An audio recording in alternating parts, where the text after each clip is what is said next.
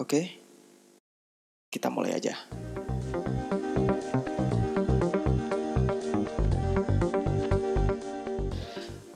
Assalamualaikum warahmatullahi wabarakatuh.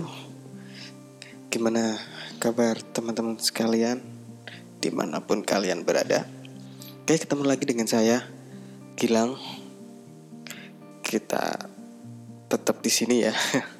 Kita di channel Ayo Sehat. Seperti yang episode-episode sebelumnya, ini kita di sini ini untuk yang baru pertama dengar. Kita di sini akan sedikit istilahnya banyak bukan sedikit ya banyak fokusnya di masalah kesehatan. Tapi ya mungkin ya nggak terlalu medis banget atau terlalu textbook banget kita yang ringan-ringan aja. Oke pada mungkin hari ini apa ya yang kita omongin di sini? Hmm. Oh ya, ini tadi saya sempat searching-searching ya, sempat saya lihat-lihat ini ada beberapa artikel yang saya baca. Nah ini coba, ini ini ada saya baca artikel dari Antara News tadi atau kemarin ini saya baca ya. Ceritanya gini, ini di artikel ini menyebutkan ini di Bekasi ya. Jadi ini kejadiannya di Bekasi. Ini ada bisa dicari di internet ada datanya. Di sini ada suatu headline yang menyebutkan data dari Dinas Kesehatan kalau penderita AIDS atau orang dengan HIV AIDS atau ODA di wilayah Bekasi ini mengalami peningkatan. Nah, dari artikel singkat ini kan teman-teman pasti tahu kita ngomongin apa hari ini. Ya, hari ini kita akan bakal obrol-obrol atau kita akan ngomong-ngomong masalah HIV. Wih, HIV apaan itu ya? Tapi mungkin beberapa teman-teman mungkin saya kira sudah tahu semua HIV itu apa sih.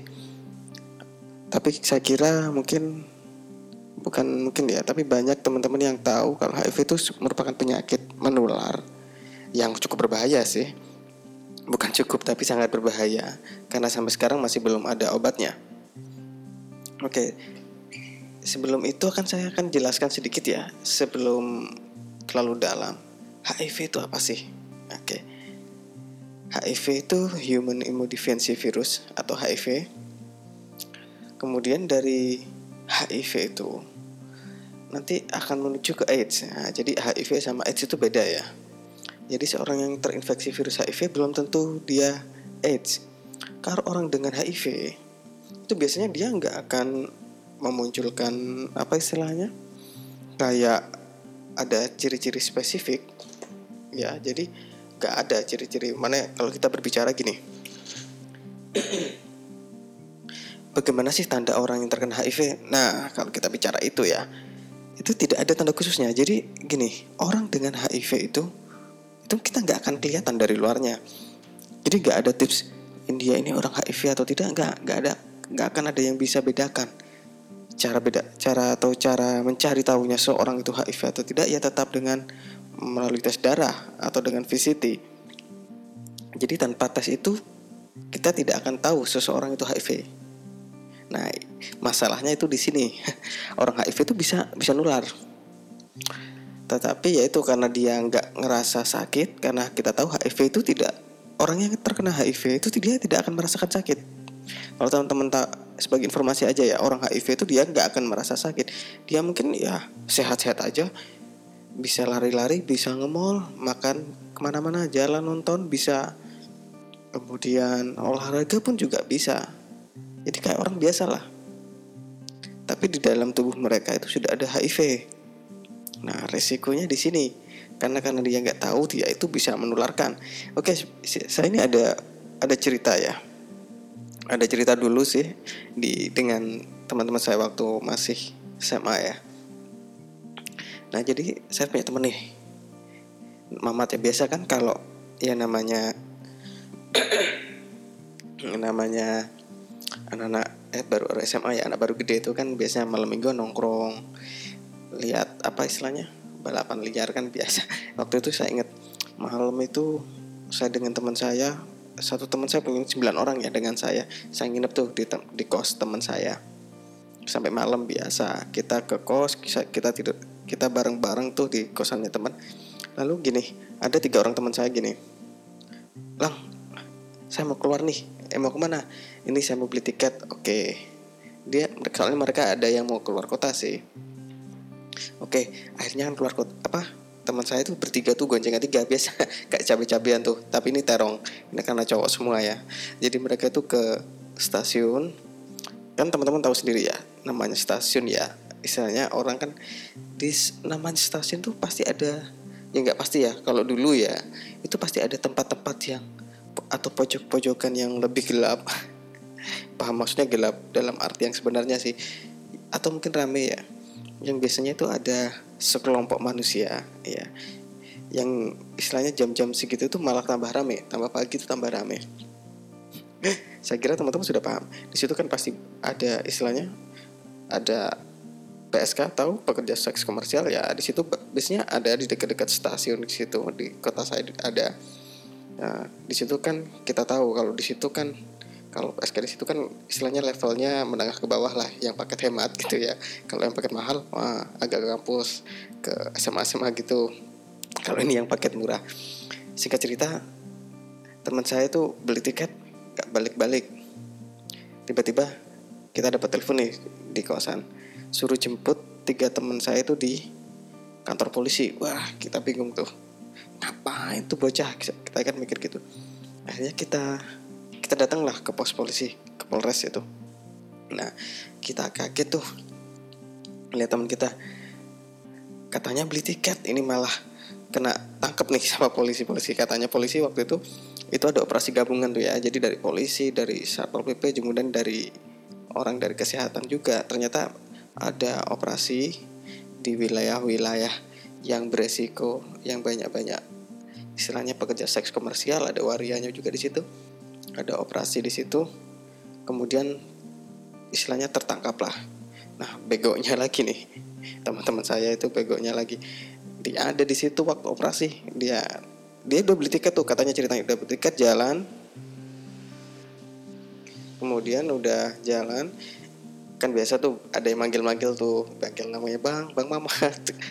Mampir dulu gitu umpamanya ya coba saya contohkan ya nggak tahu mirip apa enggak jadi ada manggil dia ah, ah coba iseng-iseng. Nah, saya nggak tahu tuh pikiran teman saya tuh. Ya ya dia berhenti sih di pinggir jalan. Otomatis kan dari beberapa jalan kan banyak tuh yang mangkal-mangkal tuh. Akhirnya teman saya ya didatangi juga dia. Didatangi biasa ditawarin gitu segala macam tapi nggak mau. Setelah beberapa saat tiba-tiba dari dari ujung jalan tuh banyak kendaraan ya. Sama teman saya tuh dikiranya cuma ah biasa anak klub ya biasa jalan-jalan malam minggu. Nah, tapi kok ada lampu strobonya? Jadi ada lampunya gitu. Ada sirenenya.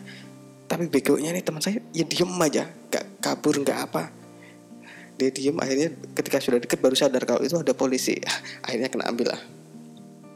Nah ini yang ketika teman saya sudah ketangkep tuh Dia belum transaksi, dia belum ngapa-ngapain. Dia cuma karena takdirnya dia dan kebegoannya dia Akhirnya dia ketangkep juga di situ.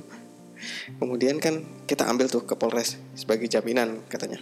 Tapi ada teman saya tuh gini Kan situ banyak tuh yang ketangkep Di situ juga ada petugas kesehatan. Nah, Dicek juga, ditanyai Dites juga, apa istilahnya ada Ada yang tanyai, ada yang Kalau nggak salah itu ada petugas kesehatan tanya punya penyakit atau gimana? Situ ada kan yang HIV ada yang ngaku tuh HIV namanya waria ya wah. Nah kemudian ada saya bareng teman saya juga nih. Dia ngeliat ada ada cewek sih situ ya lumayan lah. Dia ngeliat cewek itu langsung diem.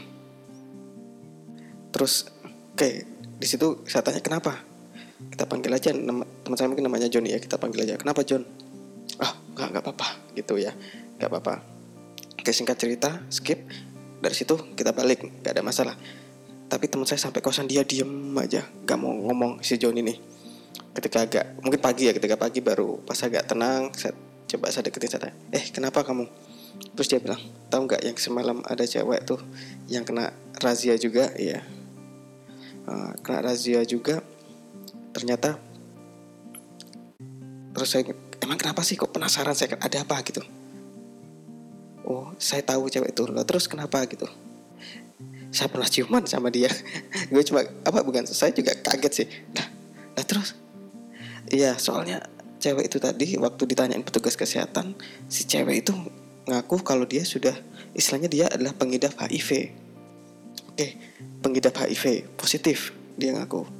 Saya nggak nggak tanya lah, saya nggak tanya dia gimana ceritanya si Yoni itu bisa kenal itu cewek terus sampai ciuman segala dengan ciuman ya mungkin mereka pacaran. Soalnya cewek itu masih muda sih mungkin masih SMA saya nggak tahu sama dengan angkatan saya mungkin ya. Saya nggak tanya itu saya juga langsung mikir itu gila teman saya ciuman sama orang dengan HIV positif.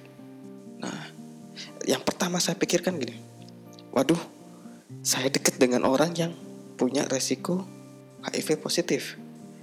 Nah kalau dari situ teman saya tuh langsung mikir waduh ini kiamat ini kiamat kan gitu. Akhirnya dari kejadian itu saya juga ngati-ngati juga ya sama. Saya bareng dengan orang yang punya resiko ke arah sana. Akhirnya si Joni dengan saya akhirnya dengan susah payah akhirnya kita istilahnya berani tes lah ke VCT tapi ternyata hasilnya negatif oke okay.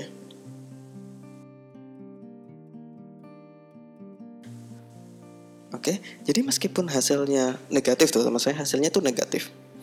Bisa bayangin gak kalian disuruh ciuman sama orang dengan HIV positif di, saya yakin berani taruhan berapapun dibayar kalian gak akan mau bener gak tapi di sini akan coba saya luruskan ya HIV itu kita berbicara kembali lagi ke pe, ke informasi tadi ya HIV itu bisa menular dari berbagai macam cara pertama melalui darah kemudian dengan cairan tubuh ya kalau dengan darah itu seperti ini, penggunaan jarum suntik, narkoba, uh, itu secara bergantian. Kalau satu kena HIV, kemudian yang lain pakai jarum yang sama, uh, otomatis kena. Kemudian alat tindik juga sama, silet, pisau cukur, oke, okay? atau transfusi darah yang tidak steril, tidak ada pemeriksaan itu bisa. Kemudian kalau dengan cairan tubuh itu kan ada juga nih dari hubungan seks melalui vagina, oral, atau secara anal itu juga bisa jadi kenapa banyak juga dari komunitas-komunitas waria atau gay itu juga rentan terkena HIV. Kembali ke teman ke topik tadi, ke teman saya yang ciuman dengan orang HIV. Dia itu sudah hancur mentalnya bener. Kalau kalian dinyatakan posisi seperti itu ya, tadi kamu udah ciuman sama orang HIV, kan pasti hancur rasanya kan. Gak tahu nih, ini masa depan saya seperti apa. Ini saya mau kuliah, ngapain kuliah nanti mati pikiran teman saya dulu gitu sampai hancur bener tapi kita tahu HIV kan nularnya dari darah dan cairan tubuh yang saya sebutkan tadi di situ HIV tidak menular jika kita itu berpelukan berciuman itu tidak tidak tidak menularkan. Kita menggunakan tempat makan yang sama itu tidak menularkan HIV. Tetapi seandainya teman-teman berciuman ya tapi di bibir teman-teman atau di mulutnya itu ada istilahnya ada luka luka terbuka ya. Jadi bukan hanya mulut ya seandainya di tubuh itu ada luka terbuka kemudian kita nggak sadar luka terbuka itu terkontaminasi dengan darah pengidap HIV nah itu bisa saja tertular. Memang ciuman tidak menularkan. Tapi kalau cium kalian ciuman sampai berdarah-darah nah itu kemungkinan HIV itu ada. Oke jadi kalau kita tadi ciuman nggak ada masalah dengan HIV. Jadi yang perlu diluruskan gini, kalau teman-teman tahu ada orang dengan HIV AIDS, tolonglah jangan istilahnya jangan jangan dijauhi lah, jangan dijauhi karena mereka itu sama dengan kita. Mereka tuh punya hak untuk hidup. Jangan karena mereka HIV terus kemudian kita menjudge mereka bahwa mereka itu orang-orang sesat, orang-orang yang salah. Tidak. Mereka itu sama dengan kita, punya hak untuk hidup, dan mereka tuh butuh bantuan kita kita tetap wajib istilahnya memperlakukan mereka seperti orang yang lain pada umumnya jadi orang dengan HIV AIDS atau kita nanti sebut dengan ODA ya itu punya masalah yang cukup berat sebenarnya. Dengan kondisi mereka aja udah berat. Jangan ditambah lagi dengan tindakan kita yang saya kira saya kira banyak sih teman-teman atau lingkup masyarakat tuh yang jika ada orang ODA itu dilecehkan banyak sekali. Seandainya gini umpamanya ada antrian ya. Ada antrian di suatu tempat kemudian tahu kalau dia itu ODA. Biasanya orang tuh akan takut. Padahal kan saya sebutkan tadi kita berjabat tangan berpelukan pun dengan orang HIV itu nggak ada masalah. Kita nggak perlu takut dengan itu. Ya. Jadi tolong kepada siapa pun yang dengar ini jika ada teman-teman atau ada orang yang kalian kenal dia itu mengidap HIV AIDS tolong tetap support ya. Jadi tetap didukung. Karena mereka itu butuh bantuan kita. Jadi itu yang masalah paling utama yang dihadapi oleh teman-teman Oda. Biasanya teman-teman Oda itu yang yang berani membuka diri kalau mereka itu orang dengan HIV. Itu biasanya mereka yang sudah istilahnya mentalnya saya kira sangat kuat. Saya bilang sangat kuat kenapa? Siapa sih yang nggak kaget ketika tiba-tiba kita atau tiba-tiba seseorang langsung difonis kamu mengidap HIV jika mentalnya nggak kuat itu bisa aja mereka dialihkan atau di di apa ya di arah efek negatif dari beban tadi itu ke hal-hal yang sangat merugikan. Contohnya seperti ini banyak orang-orang yang mengidap HIV ini saya temukan. Dia itu mengidap HIV ketika dia sudah tahu dia itu mengidap HIV mereka bukan bukan tambah istilahnya menjaga kesehatan mereka berkonsultasi dengan tenaga medis tidak. Mereka malah menjadi-jadi. Itu seperti seperti balas dendam istilahnya.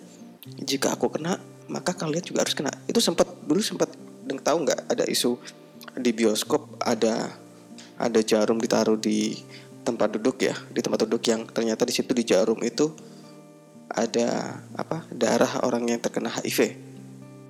Sebenarnya saya nggak tahu ya itu hoax atau tidak karena zaman dulu hoax itu nggak terlalu ngetren seperti sekarang ya. Tapi sempat booming waktu itu. Itu membuat berita itu juga memberikan dampak yang negatif kepada teman-teman Oda yang istilahnya sudah terbuka mengakui bahwa mereka itu mengidap HIV ya. Jadi efeknya sangat parah waktu itu, saya tahu. Jadi dengan hoax-hoax semacam itu itu malah memperburuk keadaan sebenarnya. Sebenarnya kalau posisi sekarang ya teman-teman sebagai informasi HIV memang memang belum ada istilahnya yang bisa belum bisa disembuhkan ya dengan medis saat ini memang ada istilahnya dari jurnal-jurnal dari penelitian ada beberapa antivirus yaitu memang bisa menekan atau bahkan istilahnya mengobati tapi itu masih dalam bentuk penelitian. Jadi untuk penggunaan secara publik atau digunakan untuk manusia itu masih sangat jauh. Sementara untuk HIV sendiri di Indonesia kita masih istilahnya pengobatan dengan ARV atau antiretroviral virus. Jadi ini hanya menekan virus itu agar tidak berkembang lagi. Jadi kita menahan di tempat kami memang banyak teman-teman dengan HIV itu yang sudah mengkonsumsi tersebut mengkonsumsi ARV pengobatan rutin diminum setiap hari. Itu bahkan ada bertahan sampai ada yang 10 tahun lebih mereka kondisinya masih baik. Ya jadi kondisinya itu masih baik. Tapi dengan catatan mereka harus istilahnya disiplin untuk meminum obat itu. Jadi sementara untuk HIV masih itu obatnya. Bukan obat ya itu ya masih untuk pencegahan. Seandainya ada orang terkena HIV mungkin sementara pakai ARV itu dulu. Sampai ditemukan benar-benar ada suatu pengobatan yang bisa menyembuhkan HIV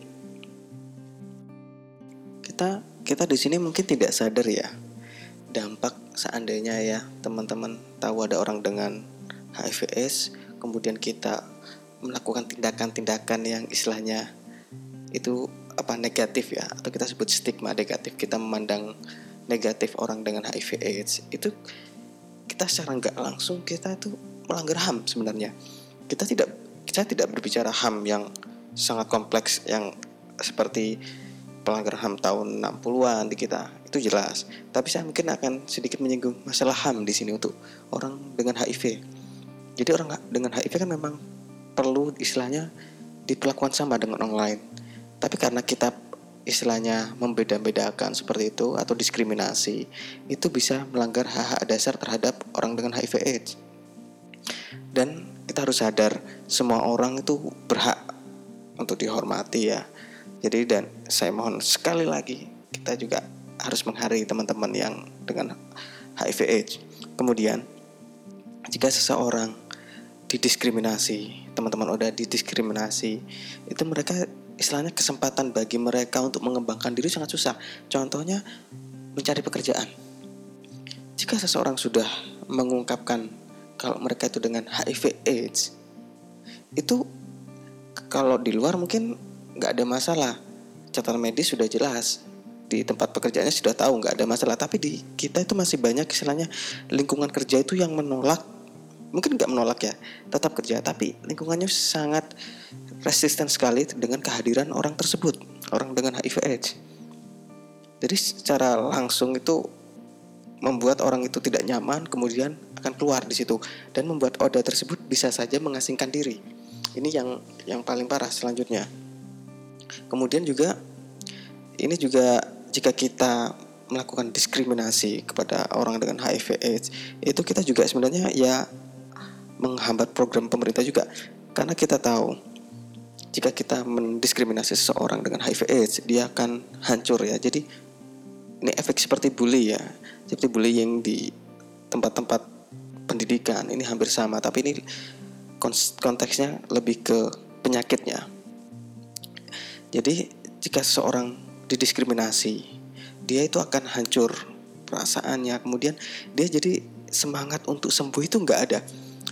Seharusnya dia memeriksakan diri ke puskesmas atau ke rumah sakit untuk pengobatan ARV itu. Akhirnya dia tidak berani, dia malu.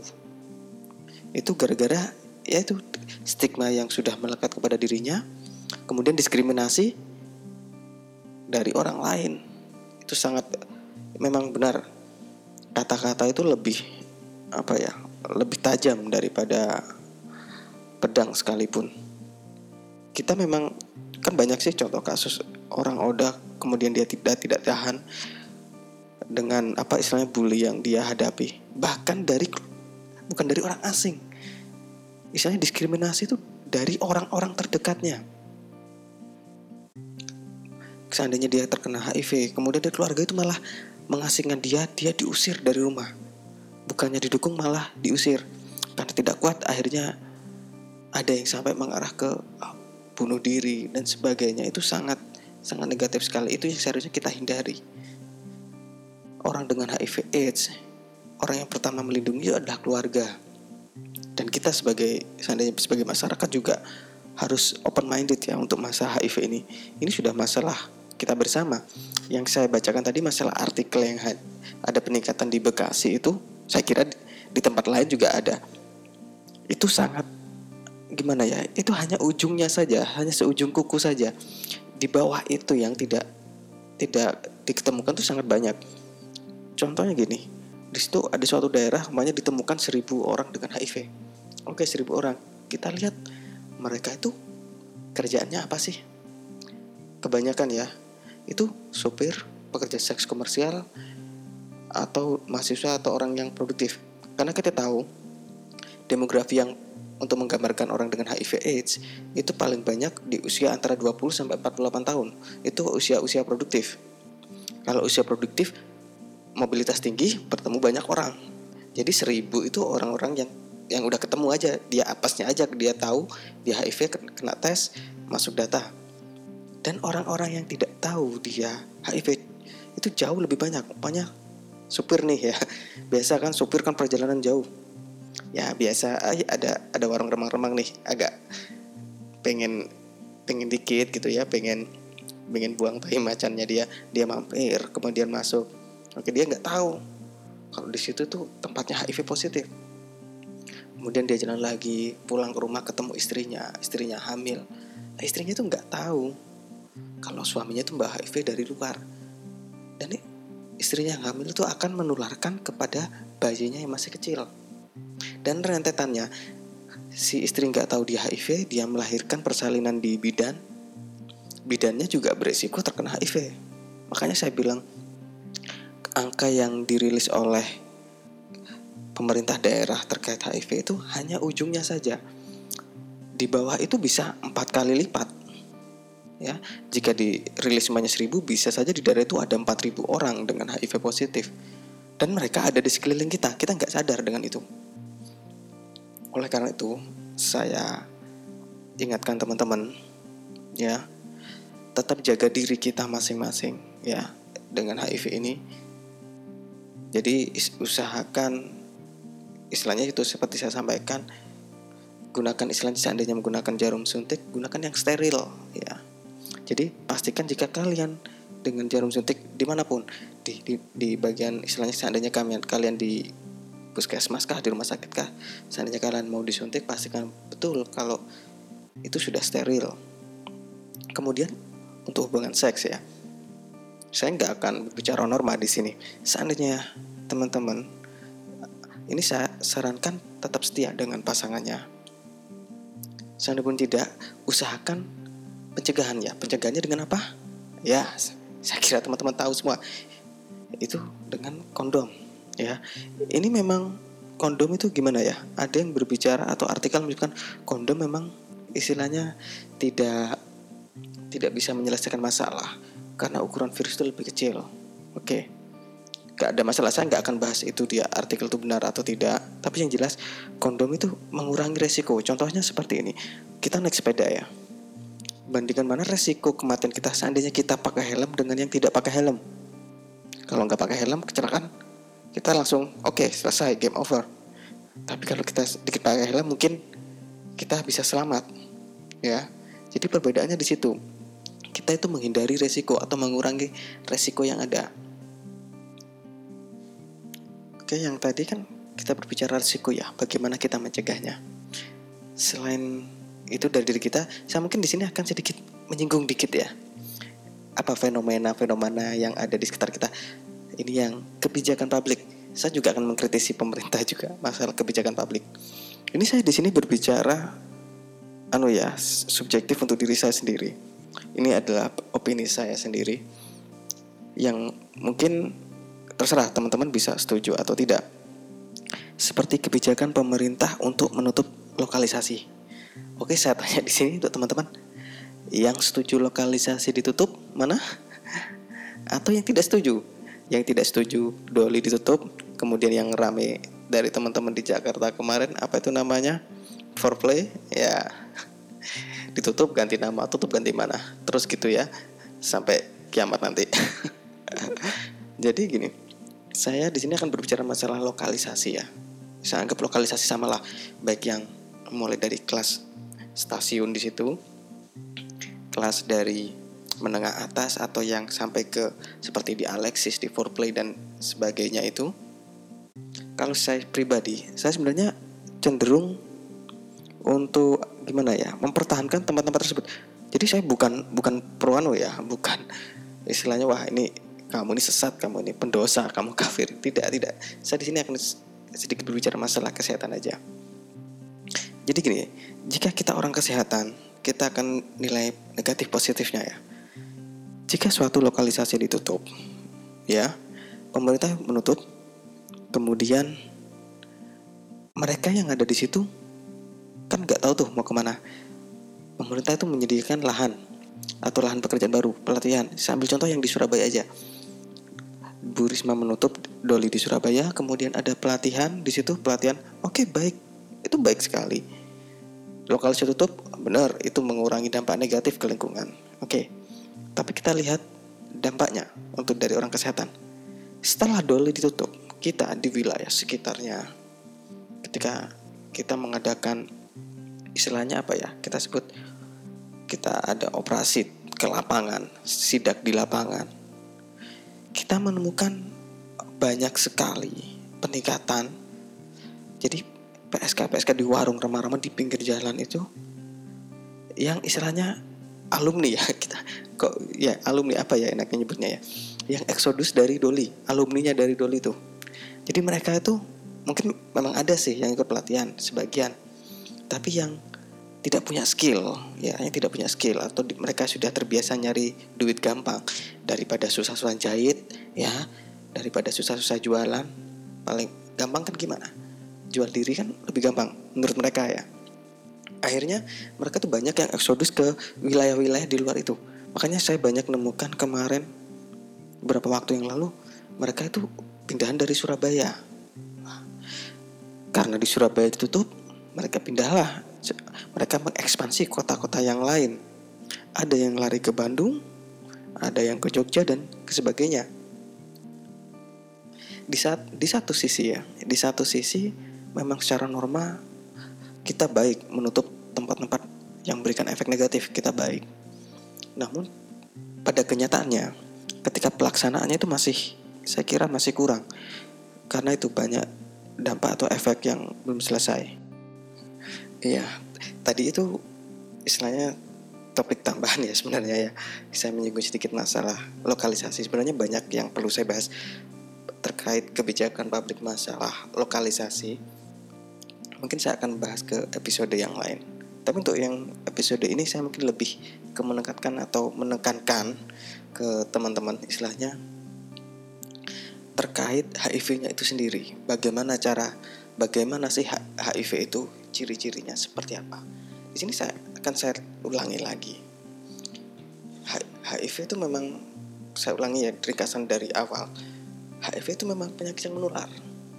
Tapi saya tekankan ke teman-teman menularnya itu ya melalui darah dan cairan tubuh kalau darah itu jelas dari jarum suntik perpindahan transfusi itu melalui darah kalau dari cairan tubuh itu dari hubungan seks kemudian dari ibu kepada bayinya tidak lebih dari itu jadi seandainya ada orang dengan HIV, kita berjabat tangan boleh nggak ada masalah. Kita jabat tangan, kita menggunakan gelas yang sama, piring yang sama boleh, ya. Jadi nggak ada nggak ada masalah di situ.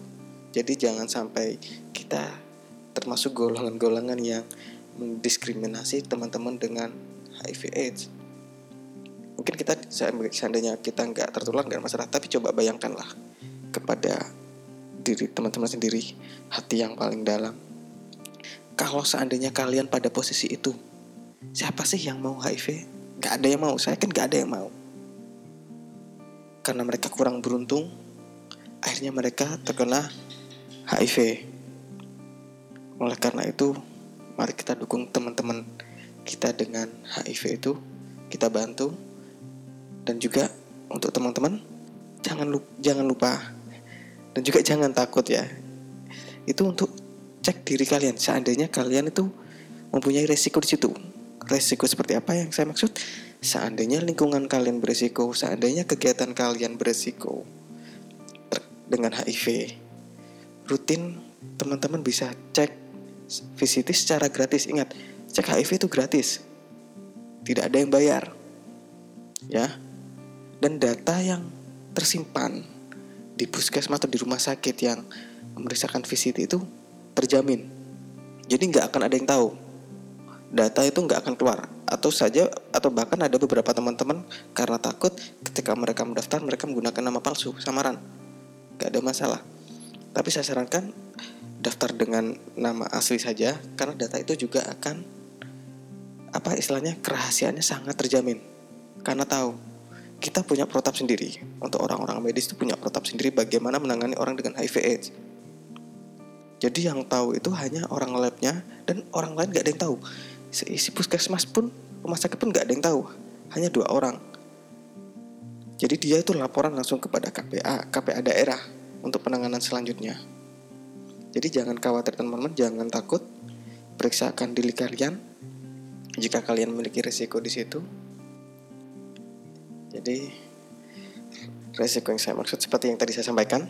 Contohnya teman saya, dia pernah resiko dia berciuman dengan orang HIV atau mungkin berciuman dengan orang HIV di lokalisasi resikonya dua kali lipat lebih tinggi daripada berciuman dengan istri sendiri nah, itu gak ada masalah. Itu sah-sah saja. Tapi meskipun gitu gak, gak ada salahnya kita untuk cek VCT ya.